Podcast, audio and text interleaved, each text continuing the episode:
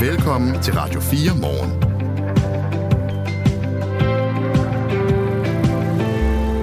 Her cirka et døgn efter, at Jakob Ellemann Jensen gik af som Venstres formand, så er de øh, fleste i øh, partiet stadig øh, tavse om, hvem de ser som den oplagte afløser. Især tavse er de i partitoppen.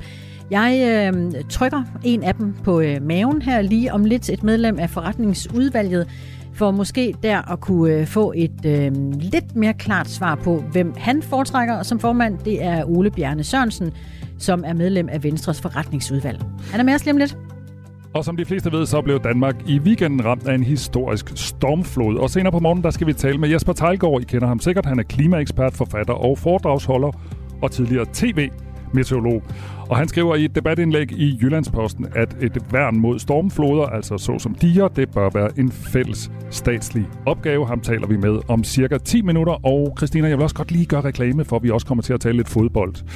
Fordi når klokken bliver kvart i ni, så øh, skal vi tale om, at FCK i aften møder Manchester United. Og der er flere spændende ting i den sag, synes jeg i hvert fald. Øh, blandt andet, så, øh, som mange nok ved, så øh, hedder Manchester Uniteds nye topangriber Rasmus Højlund.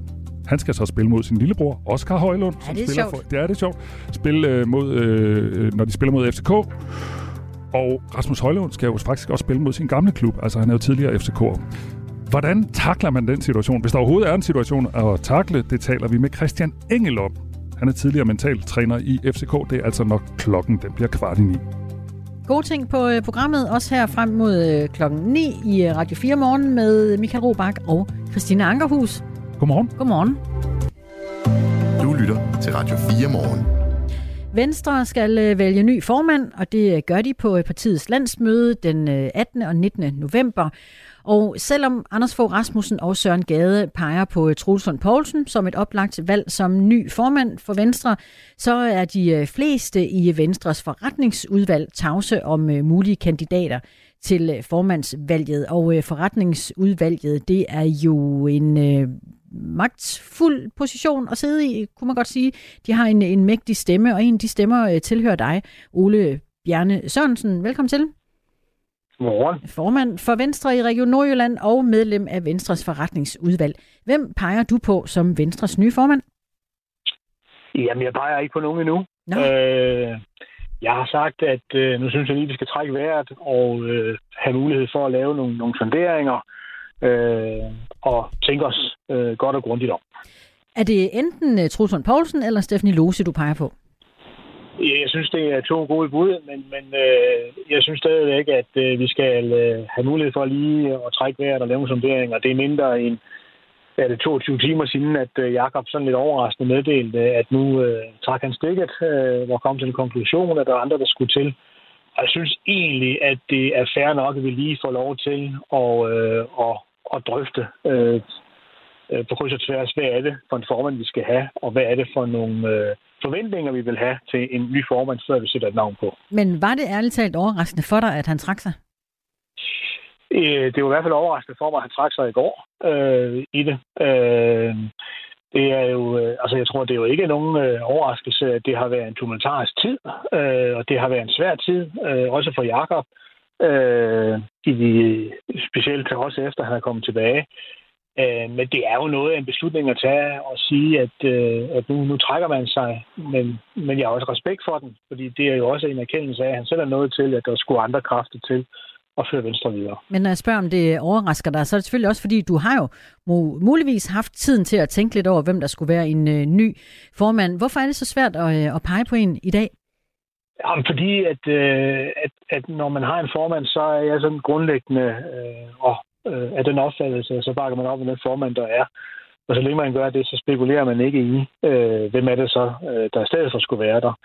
Øh, og igen, øh, det er 22 timer siden, at øh, Jakob meddelte det. Øh, øh, og jeg synes måske også, at det var øh, måske sådan lige frisk nok og kæk nok, at, øh, at der var nogen, der øh, næsten lige før Jakob var gået ud af døren, allerede havde sagt, at der skulle overtage.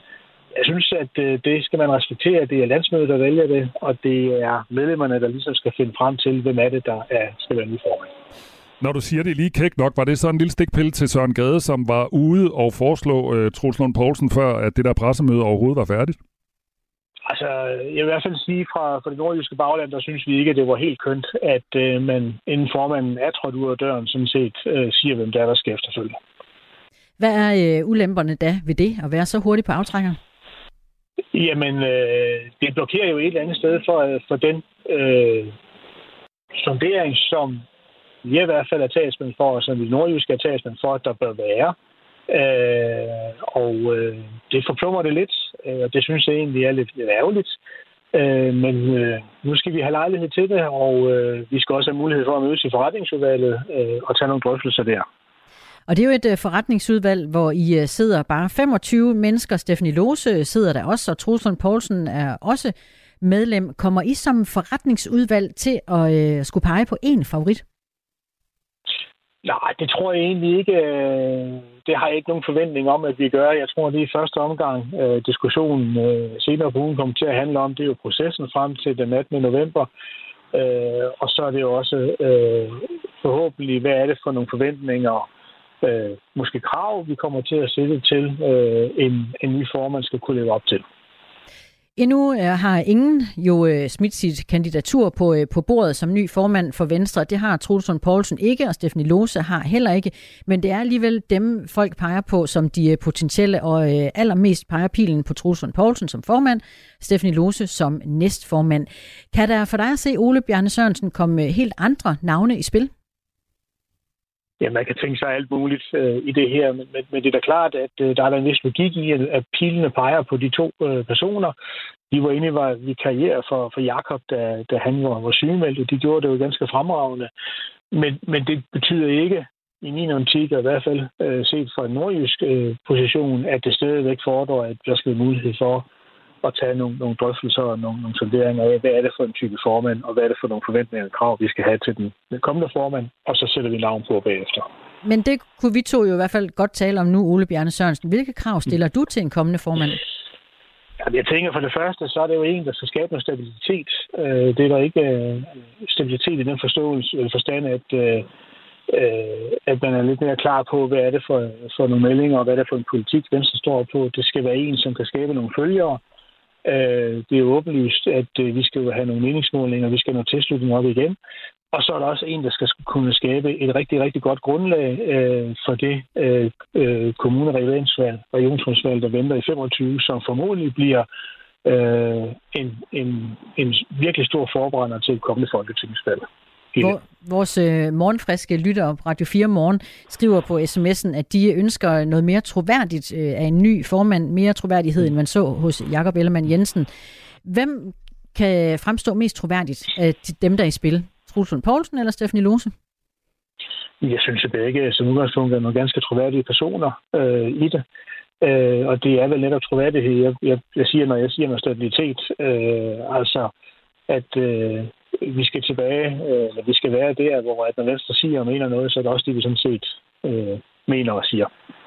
Når øh, vi hører fremtrædende venstrepolitikere pege på Troels Lund Poulsen, hvad tror du så, det er et udtryk for? at det den troværdighed, de efterlyser, eller noget andet? Jamen, det, det må vi jo spørge dem om, hvad det er, øh, hvorfor de har valgt ud og, og gøre, som de gør. Altså, jeg har fuld forståelse for, og, øh, og at øh, der er, øh, er kræfter, der måske mener, at nu skal vi øh, hurtigst muligt videre. Det skal vi også. Men, men jeg mener også, at man skal have respekt for den demokratiske proces, der er, øh, når der skal vælges en formand for et parti. Og i det spil, der er medlemmerne sådan set det afgørende. Og den samme respekt, det har også kommuneforeningsformand for Venstre i Fredericia, Søren Skov. Men alligevel siger han, skulle det nu være, at Stephanie Lose stiller op som øh, kandidat som ny formand for Venstre, så kunne han godt have hendes øh, opbakning på, på nuværende tidspunkt, hvor der ikke er nogen kandidater, der har meldt sig, og hvis, øh, hvis jeg lige skulle pege på en, så synes jeg, at Stefanie Lose kunne være et fremragende bud på en ny formand for Venstre. Både fordi det er en kvinde, og jeg godt kunne tænke mig at se en kvinde i spidsen for Venstre. Ja, han kunne altså godt øh, finde på at bakke op om Stephanie Lose. Er det din øh, fornemmelse også, at der rundt om i baglandet er den, øh, den samme ja, opbakning til hende? Jamen, jeg tror, hvis det er noget med, at det bliver Stephanie Lose som er formand, så tror jeg også, det vil være en rigtig stor opbakning til hende. Stephanie har gjort det rigtig godt i, øh, i Syddanmark. Øh, hun har vist en stabilitet. Hun har vist, at hun kan samle nogle, nogle, øh, nogle, nogle følgere øh, i det. Øh, det, hun mangler, det er selvfølgelig den, den parlamentariske øh, erfaring for ved at være på Christiansborg. Øh, men det er sikker på, at det kan hun hurtigt komme ind i. Det viser hun også, at hun er vikar, så også skulle det blive Stephanie, så er jeg også sikker på, at så er det også en, som øh, langt de fleste i Venstre vil være meget tilfreds med. Vi taler med Ole Bjerne Sørensen, som er formand for Venstre i Region Nordjylland og medlem af Venstres øh, forretningsudvalg. Øh, Ole Bjerne Sørensen, nu taler vi jo rigtig meget om navne og personer, men det er jo ikke ualmindeligt, at når et øh, parti skifter formand, så skifter politikken også. Øh, altså for eksempel, øh, der var ret stor forskel på Helle Thornings politik og Mette Frederiksens politik, og jeg tror også godt, jeg kan sige, at der var en, øh, nogen forskel i hvert fald på Anders Fogh Rasmussens politik og Lars Lykkes politik. Hvilken slags politik ønsker du dig øh, med en ny formand? Nå, men altså, øh, jeg var sådan set godt tilfreds med, at, at, øh, at Jakob forsøgte at trække os ind i det, som jeg selv kalder Venstre Klassisk. Altså, hvor det er det liberale, det er frisætning, det er fritænkning, øh, som er det dominerende i det. At det er øh, respekten for det enkelte menneske. Øh, at øh, vi som individer øh, sådan set også har et ansvar for os selv, men også for hinanden i det. Øh, det var jeg ganske godt tilfreds med. Øh, så vil jeg gerne have, at øh, vi også har nogle, nogle, nogle, man kan sige, nogle klare øh, budskaber øh, til det. Det synes jeg egentlig også, at jeg har forsøgt at gøre. Øh, så, så det tænker jeg, øh, det skal vi også nok få med den kommende formand. Så ikke nogen ret store ændringer i, det, i politikken? hører dig ikke sige? Nej, nej, fordi jeg tror, man skal jo være opmærksom på, at, at, øh, at, at, at den politik, som jeg står på lige nu, det er jo også øh, i høj grad defineret det regeringsgrundlag, som at vi har været med til at selv at definere og selv at skrive. Og hvis man skal ændre voldsomt i politikken på nuværende tidspunkt, så mener jeg også, at så betyder det konsekvenser det, at så skal man jo overveje sin regeringsdeltagelse. Og som situationen er lige nu, øh, og det øh, er sådan set uanset om det var Jacob, der var formand eller ikke var formand, så mener jeg, at den, øh, den rigtige øh, vej lige nu, det var at, at gå ind i, i det regeringssamarbejde. Så, så øh, vi er også nødt til at være tro mod det regeringsgrundlag, som vi selv har været med til at, at lave. Det lyder også som om, Bjarne, øh, Ole Bjarne Sørensen, at, at det handler om at øh, få skabt øh, eller genskabt et, øh, et stabilt venstre, altså stabilitet frem for alt nærmest uanset hvem, der melder sig som øh, formand, ja, så, øh, så bakker I op, lyder det som. Er det øh, korrekt hørt? Og det er korrekt hørt, at en af de væsentlige opgaver nu, det er at skabe stabiliteten at, øh, at vise, at Venstre er et, øh, et ansvarligt parti. Venstre er et statsministerparti, og Venstre er et naturligt parti til at være en del af at sidde og have magten, regeringsmagten i Danmark øh, i det. Og det kræver en stabilitet, og det kræver, at man har en opbakning, og det kræver, at man er rimelig klar i, hvad er det for en politisk kurs, man vil. Der er en, øh, lytter, der skriver til mig på sms'en, at nu skal jeg ikke blive med at presse dig for at finde øh, et navn og få et navn ud af dig til en kommende formand. Men du får sidste skud i bøssen her, Ole mm. Bjørn Sørensen. Hvem mm. ser du øh, helst som formand for, øh, for Venstre? Det tror jeg, jeg kan fortælle dig den 18. november, når stemmerne er talt. Ja. Fint. Vi ville jo egentlig også gerne have spurgt Troels Lund Poulsen, om han øh, kunne tænke sig at fortælle os, om han øh, stiller op eller ej, men han har altså takket pænt nej til at være med i et interview her til morgen. Ole Bjarne Sørensen, formand for Venstre i Region Nordjylland og medlem af Venstres forretningsudvalg. Tak for snakken. Selv tak.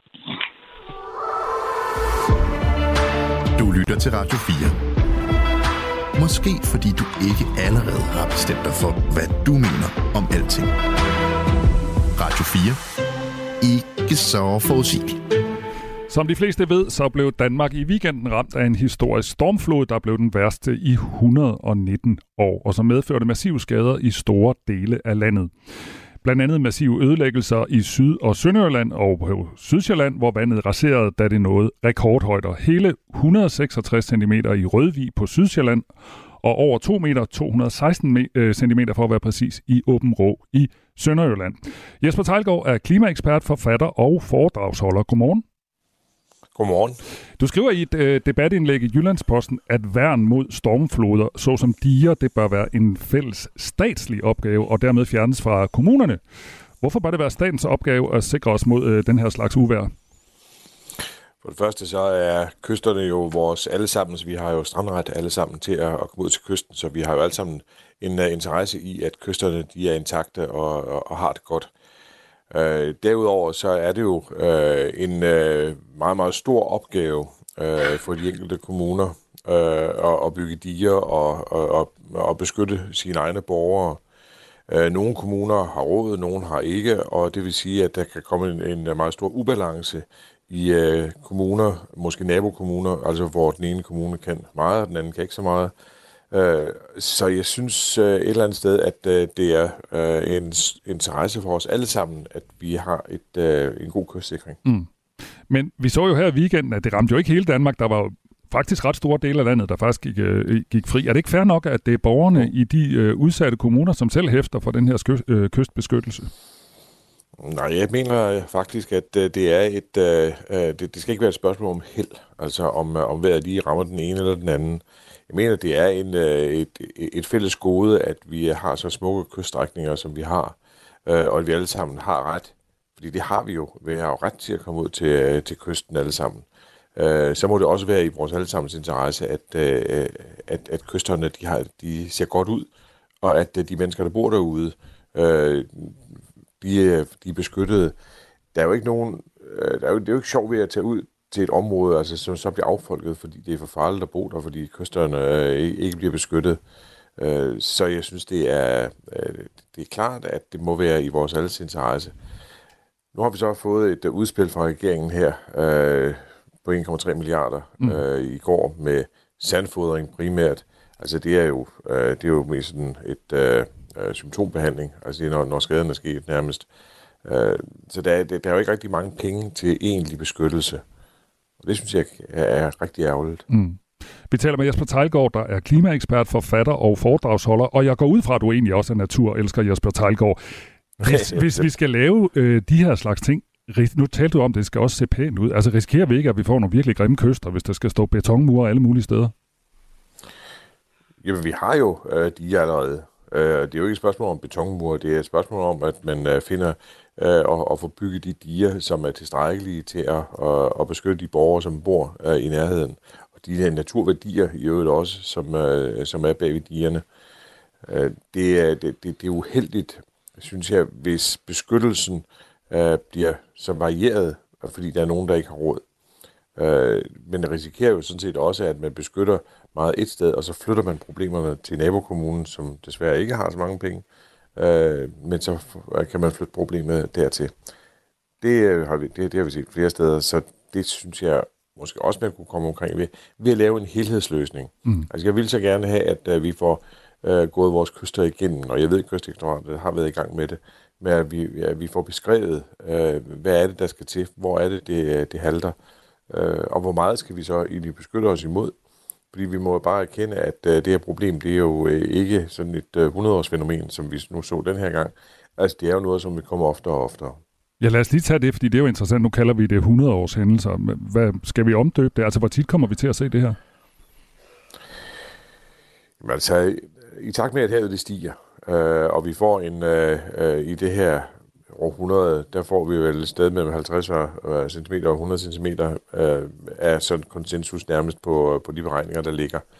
Øh, så kan vi jo bare lægge det oveni øh, i de, skal vi sige, mindre stormfloder, vi har, og så kan vi jo meget nemt komme op på de her værdier, som vi har set den her gang. Så der skal jo ikke så forfærdeligt meget til, øh, før vi får de her store skader. Det vi havde den store orkan i 99, øh, der stod øh, vand jo også ligget op på, på, på toppen af dierne, øh, på det højeste sted ved Ribe, altså øh, 6 meter nærmest, vi, vi kom op på. Øh, og havde vi så fået ovenkøbet højvande ved siden af, altså astronomisk højvande ved siden af, plus noget, noget klimaøgning, jamen så var vandet jo løbet over. Mm. Og det er, jo de, det er jo de tilfælde, som vi er nødt til at gradere os imod. I går der anbefalede danske beredskaber, der skal laves flere permanente løsninger, hvis vandet på sigt skal holdes ude, og det kommer efter, at de såkaldte watertubes flere steder brød sammen under den her stormflod, der ramte Danmark i weekenden. Ja. Flere steder i Jylland og på Fyn var presset for stort til de massive øh, watertubes, som altså er de her kæmpe gigantiske vandpølser, og det betød, at vand flere steder løb ind i byer og havne. Jesper Talgaard, hvad er det præcist, der skal bygges? Altså, nu at diger, det kender vi jo sådan fra, fra, fra øh, Sønderjylland, ikke? Men, men altså, skal der være sådan nogle kæmpe diger over hele landet, eller hvor omfattende er det, vi snakker om?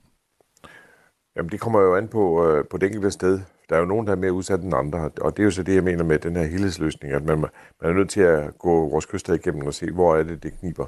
Og så er det selvfølgelig vores havne, øh, og mange af de der water tubes, der blev lagt ud, det var jo netop ved havnene, øh, hvor, øh, hvor vandet naturligt øh, kommer, kommer tæt på. Øh, og der må man jo så se, om man kan lave nogle løsninger, som man for eksempel har gjort i Lemvi, altså hvor man har bygget en mur, øh, men øh, jo ikke en uskyldt mur, men øh, et rekreativt område på havnen, hvor, hvor folk så kan komme, når øh, uheld så er ude, når uværet så kommer, så kan man så lukke de porte, der, der er. Altså det, det, er, det er muligt at lave de her øh, løsninger, uden at det bliver sådan noget bestemt øh, murværk, som øh, selvfølgelig ikke er specielt kønt. Tak fordi du var med i Radio 4 morgen. Velbekomme. Altså Jesper Tejlgaard, som er klimaekspert, forfatter og foredragsholder. Klokken den er 8.25. Det her er Radio 4 morgen. Hvis du har investeret i nogle af de øh, største danske virksomheder, har det måske ikke været så sjovt at se på dine aktier den seneste uges tid. I øh, aftes lukkede C25-indekset i minus 0,4 procent. Og det ses oftere, at C25-indekset lukker i øh, minus. Det er syvende dag i træk, at indekset gør det.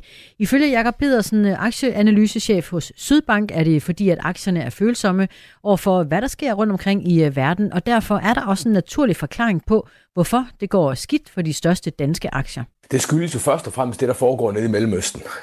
Der har vi lige pludselig fået en ny joker ind, som altså de, de, de, uh, de forfærdeligheder, som udspiller sig dernede, øh, gør investorerne meget nervøse. Det gør investorerne nervøse for, om det her det spreder sig, om det bliver en krig, som kommer til blandt andet også at involvere Iran og måske endda også USA mere direkte, end det gør lige i dag. Øh, og, og, og det giver noget, det giver noget nervøsitet, fordi det, der foregår nede i Mellemøsten, det påvirker, det påvirker i og for sig hele verdensordenen, og det påvirker også det, som, som vi bruger, når vi, øh, når vi tanker bilen hver dag, nemlig øh, olie og benzin. Øh, og, og dermed så har det en ret stor indflydelse på, på inflationen, som jo er noget, vi stadigvæk kæmper med øh, efter, efter en lang periode med meget, meget høj inflation. Men bare fordi man så har sin pension eller en anden form for opsparing eller investering i mindre aktier, altså uden for C25-indekset, så øh, skal man ikke forvente, at de lader sig påvirke af øh, den krise, som C25-aktierne er i de selskaber, der ligger uden for de største, øh, altså uden for, for, for C25-indekset, det, de, de, øh, de oplever nøjagtigt det samme. Altså, det er sådan en, en bred øh, global, øh, en bredt global fænomen i øjeblikket, at vi har haft en del dage med kursfald. Og det, det skyldes jo altså, som sagt, det der foregår i Mellemøsten, men det skyldes også, at renterne de stiger meget kraftigt i øjeblikket. Det de gjorde blandt andet i USA, øh, og, og det gør også investorerne nervøse. Det er, et nyt, øh, det er et helt nyt regime, vi bevæger os ind i, øh, og, og det bliver mere og mere tydeligt for investorerne. Nu har vi haft 15 år, hvor det er sådan, at centralbankerne med arme og ben har holdt renterne lave, og i og for sig gjort penge gratis. Og, og når det er sådan, at, øh, at, at penge de er gratis, så bliver de også brugt lidt mere let sindigt. Så investorerne bliver øh, med, med de her nu betydeligt højere renter nervøse for, jamen, hvor mange projekter, der er startet op i de sidste 15 år, viser sig rent faktisk at være dårlige nu,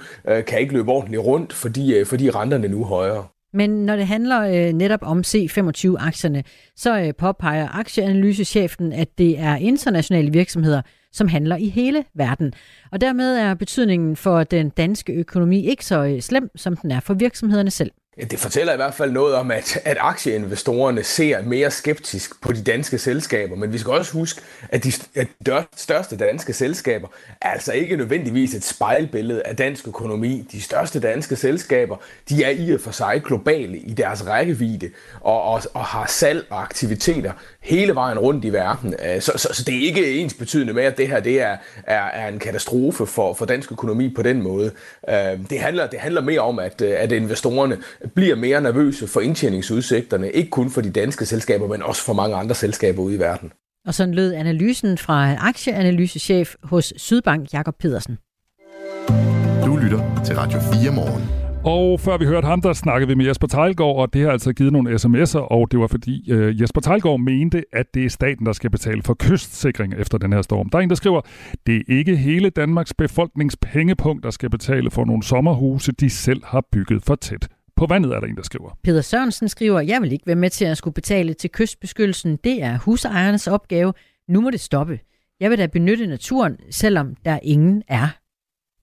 En anden skriver, vi er et land, som skal tage os af hinanden, så selvfølgelig er det regeringens opgave at rydde de områder tæt på havet for huse og bygge nye bæredygtige til folk. Der skal ikke bygge stiger, det giver ingen mening. Vandet stiger jo endnu mere i fremtiden. Og Jesper, det er kommunerne, der bestemmer, hvad de områder skal bruges til, ikke staten. Og derfor kan det da ikke være staten, der skal betale. Tak for sms'erne på 1424. Lad den bare komme øh, strygende til os her i studiet. Er det Christina Ankerhus og Michael Robach. Og på nyheder, der har vi Henrik Møring. Nu er der nyheder på Radio 4. Flere midtjyske politikere er klar til at ændre det tre gange højere honorar, som lægerne får for at lave en videokonsultation i lægevagten. Det kan Radio 4 Morgen fortælle på baggrund af en rundspørg hos medlemmerne af udvalget for nære sundhedstilbud i Region Midtjylland. En af dem er Henrik Kvist fra Enhedslisten. De forskellige konsultationsformer, man vælger, skal være udelukkende fagligt begrundet og der skal ikke være økonomiske incitamenter til, at man vælger en bestemt form frem for noget andet, fordi man får flere penge for det.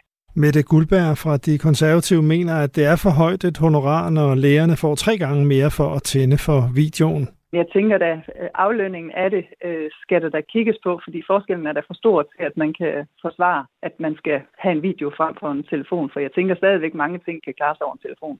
Også Susanne Buch fra SF ønsker at ændre de høje honorarer min grundholdning, og det tror jeg godt, jeg kan sige på mit partis vegne også, det, det er der nok, at vi godt kunne tænke os en anden øh, honoreringsmodel i det hele taget for den gruppe, der hedder praktiserende læger. Meldingerne kommer efter Radio 4 morgen i sidste uge kunne fortælle, at politikere i Region Syddanmark vil gøre op med højere honorarer for videokonsultationer. Står det til enhedslisten og SF, så skal den nye ordning være en aftale, der minder om Region Hovedstadens, hvor sundhedspersonalet får en fast løn. Transportvirksomheden DSV annoncerer et samarbejde med Saudi-Arabien til 70 milliarder kroner. Det fremgår af en børsmeddelelse til morgen. Det drejer sig om et byudviklingsprojekt, der går under navnet NEOM, som blev annonceret af den saudi af den saudiske kronprins Mohammed bin Salman for flere år siden. NEOM er et af de største og mest komplekse projekter i verden, udtaler DSV-topchef Jens Bjørn Andersen. Det giver en unik mulighed for DSV for at understøtte en udvikling, der er på forkant med innovation, teknologi og digital transformation, lyder det fra topchefen. Der kan først blive tale om en våbenhvile i Gaza, når Hamas har frigivet alle gisler. Det sagde USA's præsident Joe Biden i nat. Vi skal have de gisler frigivet, og så kan vi tale sammen, sagde han. I går frigav terrorgruppen Hamas yderligere to kvindelige gisler på henholdsvis 79 og 85 år. Gruppen holder fortsat omkring 220 gisler fanget i Gazastriben. Det Hvide Hus oplyser også, at præsidenten understreger behovet for at opretholde en kontinuerlig strøm af humanitær hjælp ind i Gaza. Handelsaktiviteten på boligmarkedet ligger igen på niveau med årene før corona. Det viser tal fra boligsiden for september, som fortæller, at der blev solgt knap 7.000 boliger i løbet af september. Det er en fremgang på 19 procent sammenlignet med samme måned sidste år, hvor kraftige rentestigninger lagde en dæmper på handlerne, men det er samtidig en lille smule lavere end det gennemsnitlige boligsalg i samme måned inden coronaepidemien. Det er især de nye boligskatter, som er årsag til de mange handler i øjeblikket. Køber man bolig inden nytår, får man en skatterabat, siger seniorøkonom Mathias Dollerup Sprøgel fra Sydbank. Vi kommer til at se lidt mere højere aktivitet end normalt, grund af de her øh, lukrative skatterabatter, som, som, som, som folk kan få, kan få fingrene i. Så jeg tror, at vi skal se lidt højere handelsaktivitet, og måske også lidt højere priser, øh, inden at, øh, at det måske vender efter årsskiftet, hvor vi nok ser faldende priser igen og, og lavere handelsaktivitet.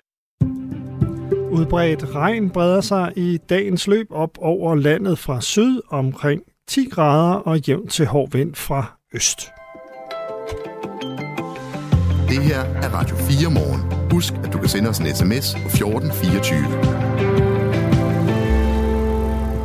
Vi er i gang med den sidste halve time, og om 10 minutter, der skal vi lave en historie, jeg glæder mig rigtig meget til. Det handler om fodbold. Det gør det nemlig, fordi i aften spiller FCK mod Manchester United. Og i Manchester United, der har de jo en angriber, der hedder Rasmus Højlund, og han er tidligere FCK-spiller. Så det, vi skal tale om, det er, hvordan sætter man sig op til at spille mod sin tidligere klub? Er der nogen fare i det? Og på FCK's hold, der spiller hans lillebror også. Hvad med det? Skal man spille på en anden måde? Skal man tænke på en anden måde, hvis man kommer i en takling med sin lillebror? Det taler vi med Christian Engel om. Han er tidligere mentaltræner i FCK. Det er cirka om 10 minutter. Men øh, inden da, der skal vi øh, tale om øh, Sverige, som er rykket et skridt tættere på et NATO-medlemskab. Din hverdag her til morgen, det er Christina Ankerhus og Michael Robach. Klokken den er 8.34. Godmorgen. Godmorgen. Det her er Radio 4 morgen. Ja, for øh, Erdogan, Tyrkiets præsident, har nemlig i går sendt den øh, svenske NATO-ansøgning videre til godkendelse i sit parlament. Og det har jo ellers som bekendt været øh, Tyrkiet, der i øh, månedsvis har stået i vejen for, at Sverige kunne gnidningsfrit blive indlemmet i NATO. Men en øh, udvidelse af NATO mod øst i øh, form af Sverige, det har øh, konsekvenser, eller det kan det i hvert fald have. Det mener du, Jørgen Midum Stavn. Velkommen til. Ja, tak. Lektor ved Forsvarsakademiet. Hvilke konsekvenser øh, kan det have? Jamen altså på, på kort sigt, så styrker det jo helt tydeligt, eller helt sikkert NATO's øh, nordøstlige flanke. Mm. Og, og, og, og, og styrker NATO's sikkerhed i Østersøen, og dermed styrker det også dansk sikkerhed. Øh, men man kan sige, at der er nogle afledte effekter af øh, det svenske, men måske især det, det finske medlemskab af NATO i den forstand, at øh, NATO udrykker øh, rykker op i en klasse, vægtklasse op, kan man sige, på, den, på nordøstflanken, al den stund, at, at finskerne, øh, finnerne har en hel del øh, militære styrker, som jo på den anden side af grænsen, på den russiske side, øh, øh, kan se øh, truen ud på lidt længere sigt. Ja, Finland blev i øh, april i år formelt optaget i øh, alliancen efter at have fået ja fra netop Tyrkiet og fra Ungarn også, som, øh, som Sverige, en, altså en godkendelse eller et ja, som Sverige har måttet vente lidt længere på. Sverige søgte sammen med Finland om NATO øh, dengang, men, men har måttet vente til nu.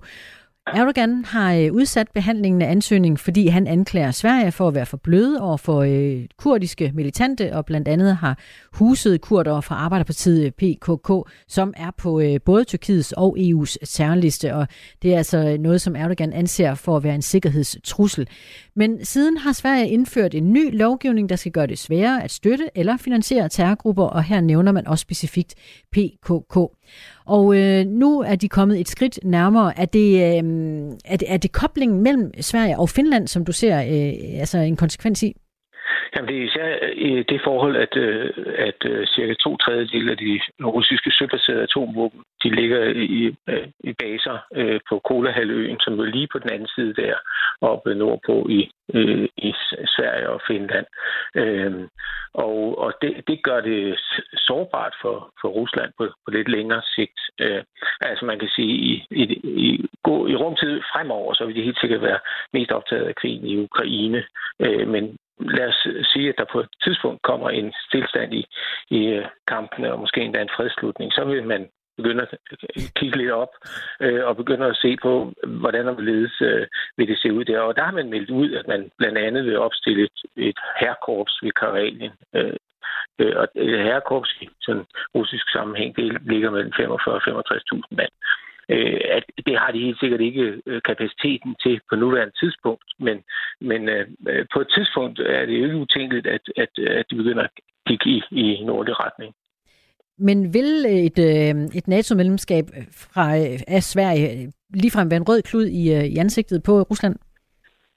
Ikke specifikt øh, øh, Sverige, men, men, øh, men Sverige og Finland i kombination, øh, og så med de øh, baseaftaler, som amerikanerne laver. Øh, vi ved endnu ikke helt, hvordan og hvorledes øh, aftalen med Finland ser ud, men, men det ser ud til, at, at, øh, at, øh, at, at finderne kopierer dele af den aftale, som Norge har lavet med amerikanerne øh, som øh, giver en, en vis øh, frihed til, øh, til, til øh, opmagasinering af amerikansk materiel, men også øh, anvendelse af øh, finske lufthavne. Øh, og og det, øh, det er jo altså et område, som er så ganske øh, kort væk fra de, de steder, hvor Rusland har deres øh, atomubådsbaser øh, omkring Severomorsk og, og på hele Kolahalvøen. Øh, og, det, og dem er de særdeles sårbare overfor. Og, og det kan godt ske, at de i lang tid fremover vil være konventionelt øh, svage, men, men øh, øh, risikoen er jo så, at man så begynder fra russisk side at lægge mere vægt på atomvåben øh, som, som del af forsvaret. Øh, det, man ser som en trussel fra NATO. Det lyder som en uh, decideret oprustningsspiral, vi kan risikere mellem Vesten og Rusland. Er det sådan, du ser på det? Altså på, på lang sigt er der, øh, er der klart den risiko.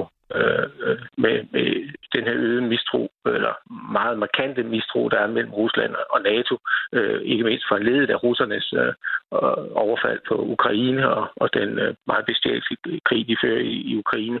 Øh, men altså, øh, det er jo sådan, at man, når man, det, der er, er, er sikkerhed på den, på den ene side af grænsen, det kan jo se troen ud på den, på den, på den anden side af grænsen, og, og, og det, øh, det vil man være nødt til at skulle forholde sig til, den, den øh, styrkelse af NATO, øh, som sker på den vest, eller på, med, med det finske og svenske medlemskab. Uh, og det vil uh, jo så se troen ud på, på vores side af grænsen, og det er der, der så er en risiko for, at man, man uh, uh, uh, kommer i en, faktisk i en, i en værre situation, end, end man er i øh, på nuværende tidspunkt. Vil det have øh, direkte konsekvenser for Danmark? Øh, alt den stund, at det, det øger øh, risikoen for, for fejlkalkulationer og, og øger øh, spændingerne mellem NATO og Rusland på lidt længere sigt, øh, så vil det også have konsekvenser for, for Dan, Danmark, men ikke, øh, ikke sådan direkte øh, på, i forhold til dansk territorium umiddelbart, men altså som en del af NATO, ja. Altså konsekvenser, nu skal jeg også lige forstå, altså bliver det, bliver det farligt at være dansker?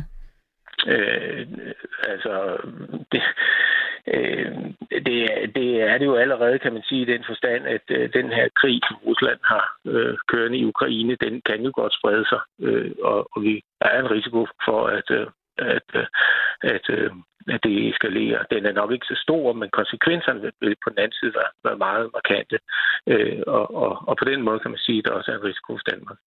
Det er Jørgen Medum Stavn, der er med os lektor ved øh, Forsvarsakademiet, fordi Sverige rykkede et skridt nærmere et øh, NATO-medlemskab i øh, i går.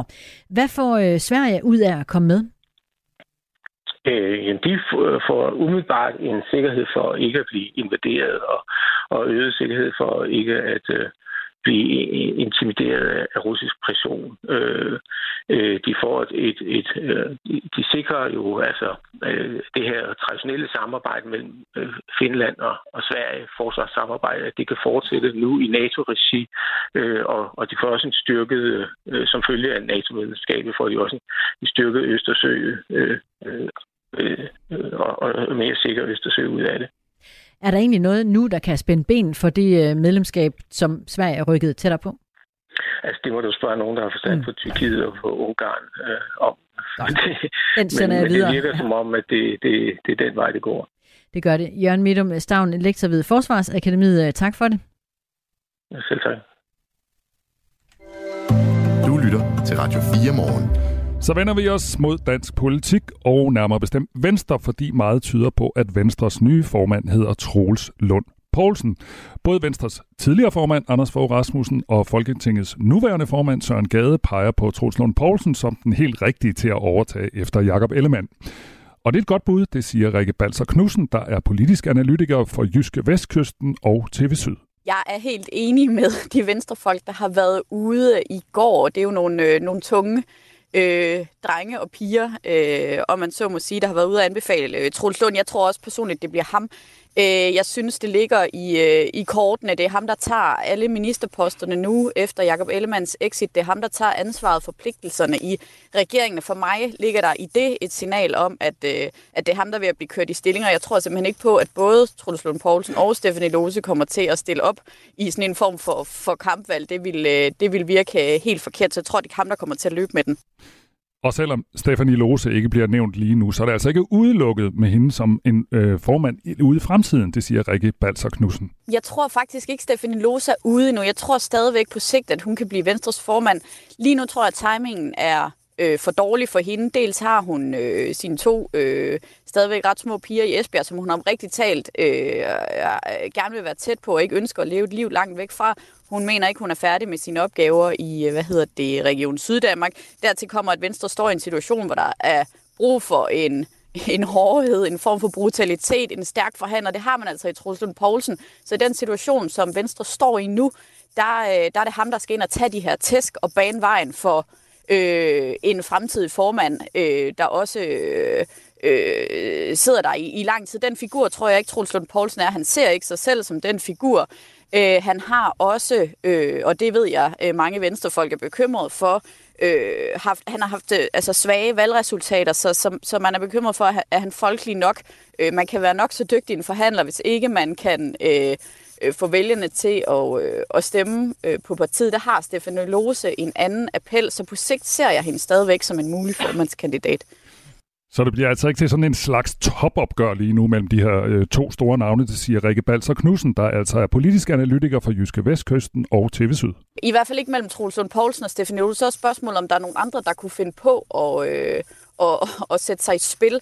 Øh, jeg tror, det er det, som øh, de her øh, Øh, øh, øh, profiler, øh, Søren Gade, øh, hvad hedder det, øh, øh, Anders Fogh, Sofie Løde og dem alle sammen, der var ude i går. Jeg tror, det er det, de prøver at forhindre ved at gå ud og sende et signal om, vi vil gerne have Troels Lund Poulsen øh, få eventuelle modkandidater øh, til at ryste lidt i bukserne, så de altså ikke ender med at stå i et, i et kampvalg, der vil være usundt for partiet. Den øh, nu tidligere formand for Venstre, Jakob Ellemann Jensen, sygemeldte sig med stress 6. februar i år efter et ildebefindende, og han vendte tilbage igen efter sygemeldingen 1. august. Han vendte tilbage som Venstres formand og som forsvarsminister. Tre uger senere trak han sig fra posten som forsvarsminister, og han byttede ministerium med Troels Lund Poulsen og blev øh, dermed økonomiminister. Og nu er han altså helt ude af dansk politik. Og det er et venstre i en øh, noget skidt forfatning, han efterlader, siger Rikke Balser Knudsen, politisk analytiker for Jyske Vestkysten og TV Syd. Problemer de, de tårner sig op, og ved at skifte formand løser man i virkeligheden kun et problem, nemlig det, øh, at der, der klistrer denne her, det her troværdighedsproblem til, til Jakob Ellemann Jensen, i og med, at han sagde øh, før valget, han øh, aldrig nogensinde ville gøre Mette Frederiksen til statsminister, ender med at gøre det alligevel. Det troværdighedsproblem har fulgt ham øh, som en, en dæmon øh, hele vejen igennem, og, øh, og, og, og baglandet Venstre og vælgerne har simpelthen mistet øh, tilliden til ham. Han er væk nu, men, men, men at det så er sagt, så står de stadigvæk med en udfordring på øh, CO2-afgift i landbruget. Det her spørgsmål skal balanceres. Der er stadigvæk en Lars Lykke, en øh, Inger Støjberg, der med hver deres partier er alvorlige konkurrenter til Venstre. Øh, der er stadigvæk en Mette Frederiksen, en Lars Lykke inde i regeringslokalerne, som der skal bokses med.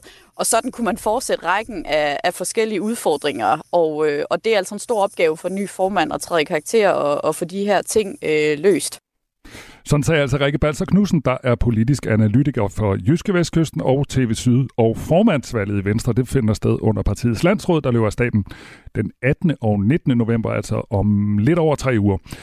Hvis du vil deltage i debatten om Venstre og Jakob Ellemann Jensen og hans efterfølger, så skal du blive hængende på Radio 4 efter nyhederne kl. 10, øh, klokken 9. Klokken 9, klokken 9. Her tager Radio 4 nemlig emnet op, og der spørger øh, det gode program, er Venstre bedre tjent uden Jakob Ellemann Jensen ved roret, eller stikker problemerne i partiet dybere end det? Det er altså spørgsmål i Ring til Radio 4 905. Klokken er lige nu 8.47. Det her er Radio 4 morgen.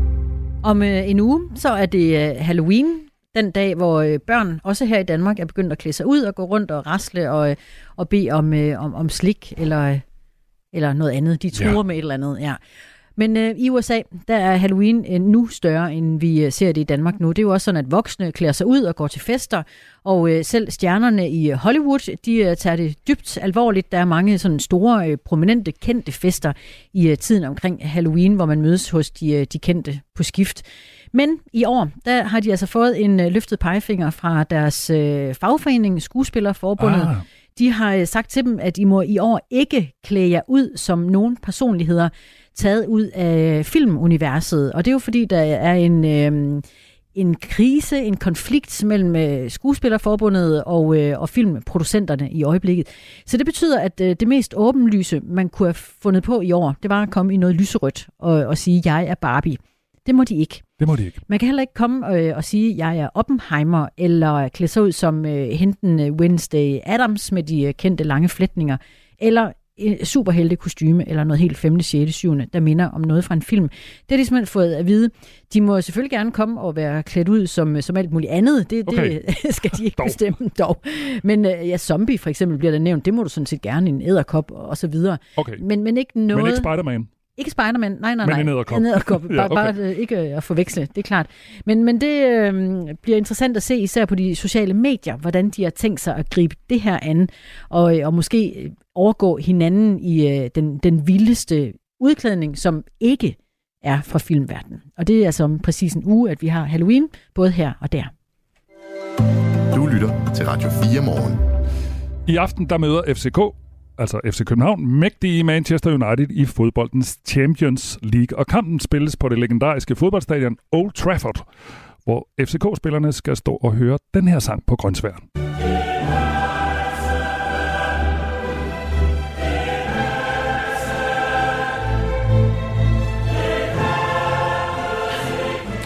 Og det er altså et kæmpe opgør for de danske FCK-fans, men også for FCK-spillerne. Særligt to spillere har lidt mere på spil, end man plejer. FCK-spilleren Oscar Højlund og den danske topangriber fra Manchester United, Rasmus Højlund. Det er nemlig henholdsvis lillebror og storebror, der i aften render ind i hinanden. Og for Rasmus Højlund, der gælder det også en kamp mod sin tidligere klub, FC København. Men hvordan sætter man sig egentlig mentalt op til sådan en kamp mod sin tidligere klub og sin bror? Det skal vi tale med Christian Engel om. Han er tidligere mentaltræner i FCK. Godmorgen. Godmorgen, godmorgen. Du kender både øh, Oscar og Rasmus. Lad os lige dele det lidt op. Altså, lad os lige starte med Rasmus Højlund, som egentlig skal spille mod sin gamle klub. Og det var jo sådan, at han slog ikke rigtig igennem i FCK, og så blev han solgt. Og nu er han jo blevet en stor kanon og spiller for Manchester United. Hvad er, det, hvad er der egentlig af udfordringer ved at skulle spille mod sin gamle klub? Jamen, der, hvad hedder det, øh, der er jo, skal vi sige, en masse relationelle ting på spil. Så det der med, at øh, altså, det er slet ikke motivation, der er problemet, eller udfordringen. Det er mere det at holde fokus på præstationen, og ikke at blive taget væk fra kampen på banen over, i, over imod alle mulige andre kampe, der foregår. Altså det at skulle øh, bekræfte forventninger, leve op til forventninger, øh, altså stå til skue for ikke bare, øh, du ved, det, det er forvejen store pres, der er på United, men også at øh, super mange danskere og alle hans venner, og ikke mindst hans familie, øh, kigger på, men også er involveret i kampen, som du siger. Og hvad betyder det så? Så det, du siger, det er, det bliver ikke noget problem med motivation, men det bliver måske nej, nærmere, nærmere et problem med, at man kan blive lidt overtændt. Ja, altså overtændt og altså overtændt øh, gør jo, at man mister fokus. Det vil sige, at man kommer væk fra sin egen gameplan, man kommer væk fra det, der egentlig øh, gør en god. Det vil sige, at øh, Rasmus Højlund er enormt energifuld, og øh, hvad hedder det, og er, er som udgangspunkt ret vild i hans øh, mentalitet. Fræk som en slagterhund øh, er også et af ordsprogene, som andre spillere har puttet på ham, også i FCK-tiden. Øh, så det er mere det her med at bevare fokus, hvis der er lidt modgang. Øh, og, og hvis det, det ikke, altså det her med at holde sig inden for gameplanen, om man så må sige, både hans egen og holdets. Christian Engel, du er jo tidligere mentaltræner i FCK. Hvis det nu var dig, der var ansat i Manchester United lige nu, hvilke gode råd vil du så give til Rasmus øh, Højlund for aftens kamp øh, i forhold til det her med, at han skal spille mod sine tidligere holdkammerater? Jamen, så var det faktisk, at øh, når, når motivationen og energien er givet ved kampen, det vil sige, det er ikke den, man øh, det er ikke den, hvor man skal, hvad hedder det, øh, skabe. Det er ikke den, der skal skabe. Så handler det om at rette energien mod opgaver. Det vil sige, at jeg vil gøre rigtig meget ud af at fokusere på opgaven. Fokusere på det, det, hans, altså, hans del af det taktiske. Øh, det, det, vil være, det vil være det, det handler om. Vi taler med Christian Engel, der er tidligere mentaltræner i FCK, og vi taler om, at FC København i aften skal spille mod Manchester United, og det er jo blandt andet med Rasmus Højlund på Uniteds hold, som, øh, og han skal spille mod sin tidligere klub, FC København. Betyder det egentlig noget, Christian, at øh, han også skal spille mod nogen, der er hans kammerater? Altså betyder det noget for, hvor stor kraft man går ind i øh, taklingerne med, og kan man være et øh, dumt svin, hvis det kræves, når det er over for sine øh, gamle kammerater?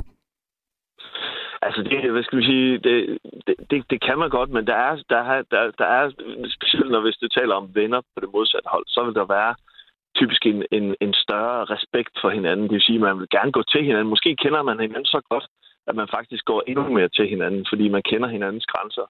Så hvad skal man sige? Så det, det kan også være en del af det. Typisk vil der være en, en respektfuldhed. Øh, altså i, en, i forhold til, hvor, hvor, langt, altså, hvor langt man vil gå. Øh, men, men når det er sagt, så, øh, så finder du nærmest ikke nogen, der er opdraget mere kompetitivt. Altså de her tre brødre, de har jo øh, kæmpet med, med hinanden og mod hinanden øh, i øh, utallige gange øh, i deres opvækst. Og det er også en af de ting, der er kendetegnet for de tre brødre. Det er at være enormt kompetitiv og dygtig til at være under pres. Så, så, øh, så det, jeg, jeg forestiller mig faktisk, at, øh, at, at det ikke er det, der gør, at, øh, at de altså, præsterer øh, mindre godt. Det handler mere igen det der med, særligt for Rasmus, at holde fokus, fordi der bare er altså, der er i forvejen rigtig meget på spil, hver han spiller, så, så, så jeg, jeg ved ikke, om han mærker nogen forskel. Det er mere os, der måske øh, bygger det op, men det, er, det, det specielle er selvfølgelig i det, at der, der er mange, der kender ham på modstanderholdet og kan forsøge at tire ham, kan forsøge at, og, og, og spille det psykiske spil og få ham lidt øh, du ved, øh, ud øh, af kampen og op i hovedet og, og hen imod noget andet. Det kan være en af de, de små knep, øh, som, øh, som man kan bruge. Ikke?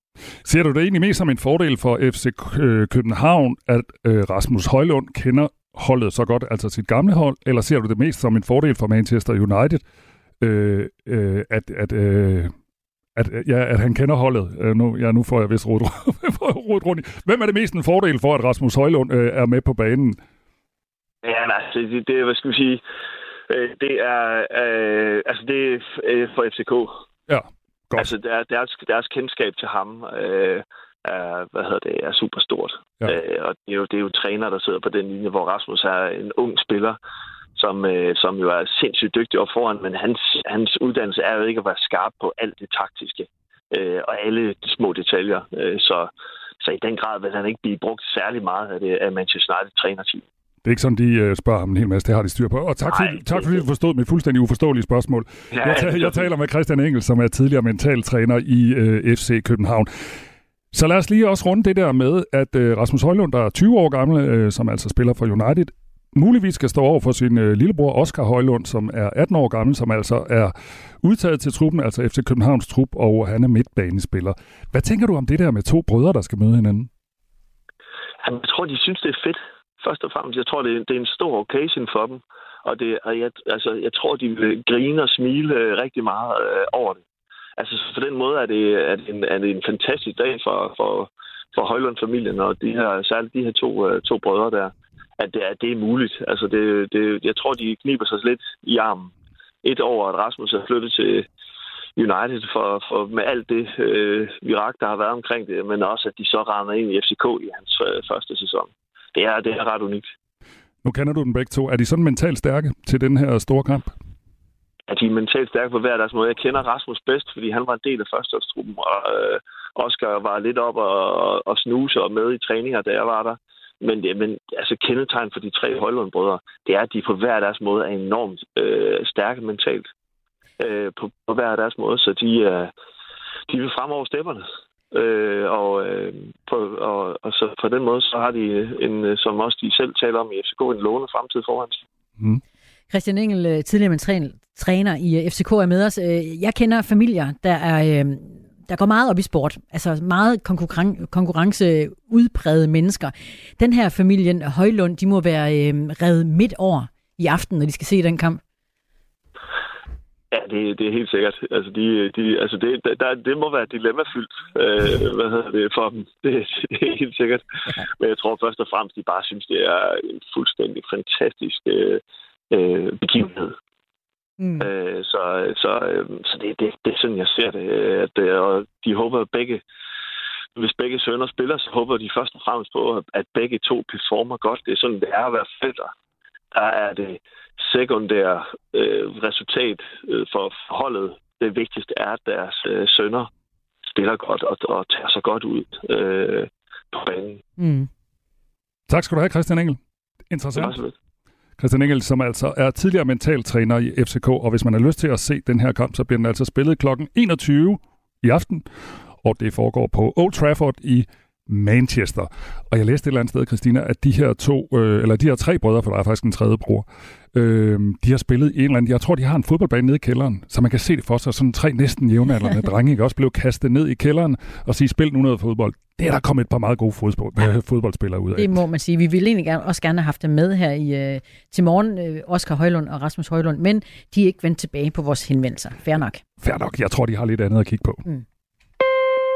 Radio 4 ikke så forudsigeligt. Vi har fået en sms fra øh, anne Sofie. Hun er kæreste med øh, verdens bedste Søren. Vi fik i går øh, kåret på øh, Sørens dag, verdens bedste Søren. Og så skriver anne Sofie til os.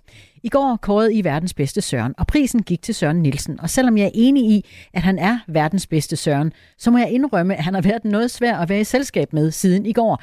Han fletter den nye titel ind i alle samtaler, og synes, jeg er ufattelig heldig at være kæreste med verdens bedste Søren, så tak for det. Jeg har gået en hård tid i møde.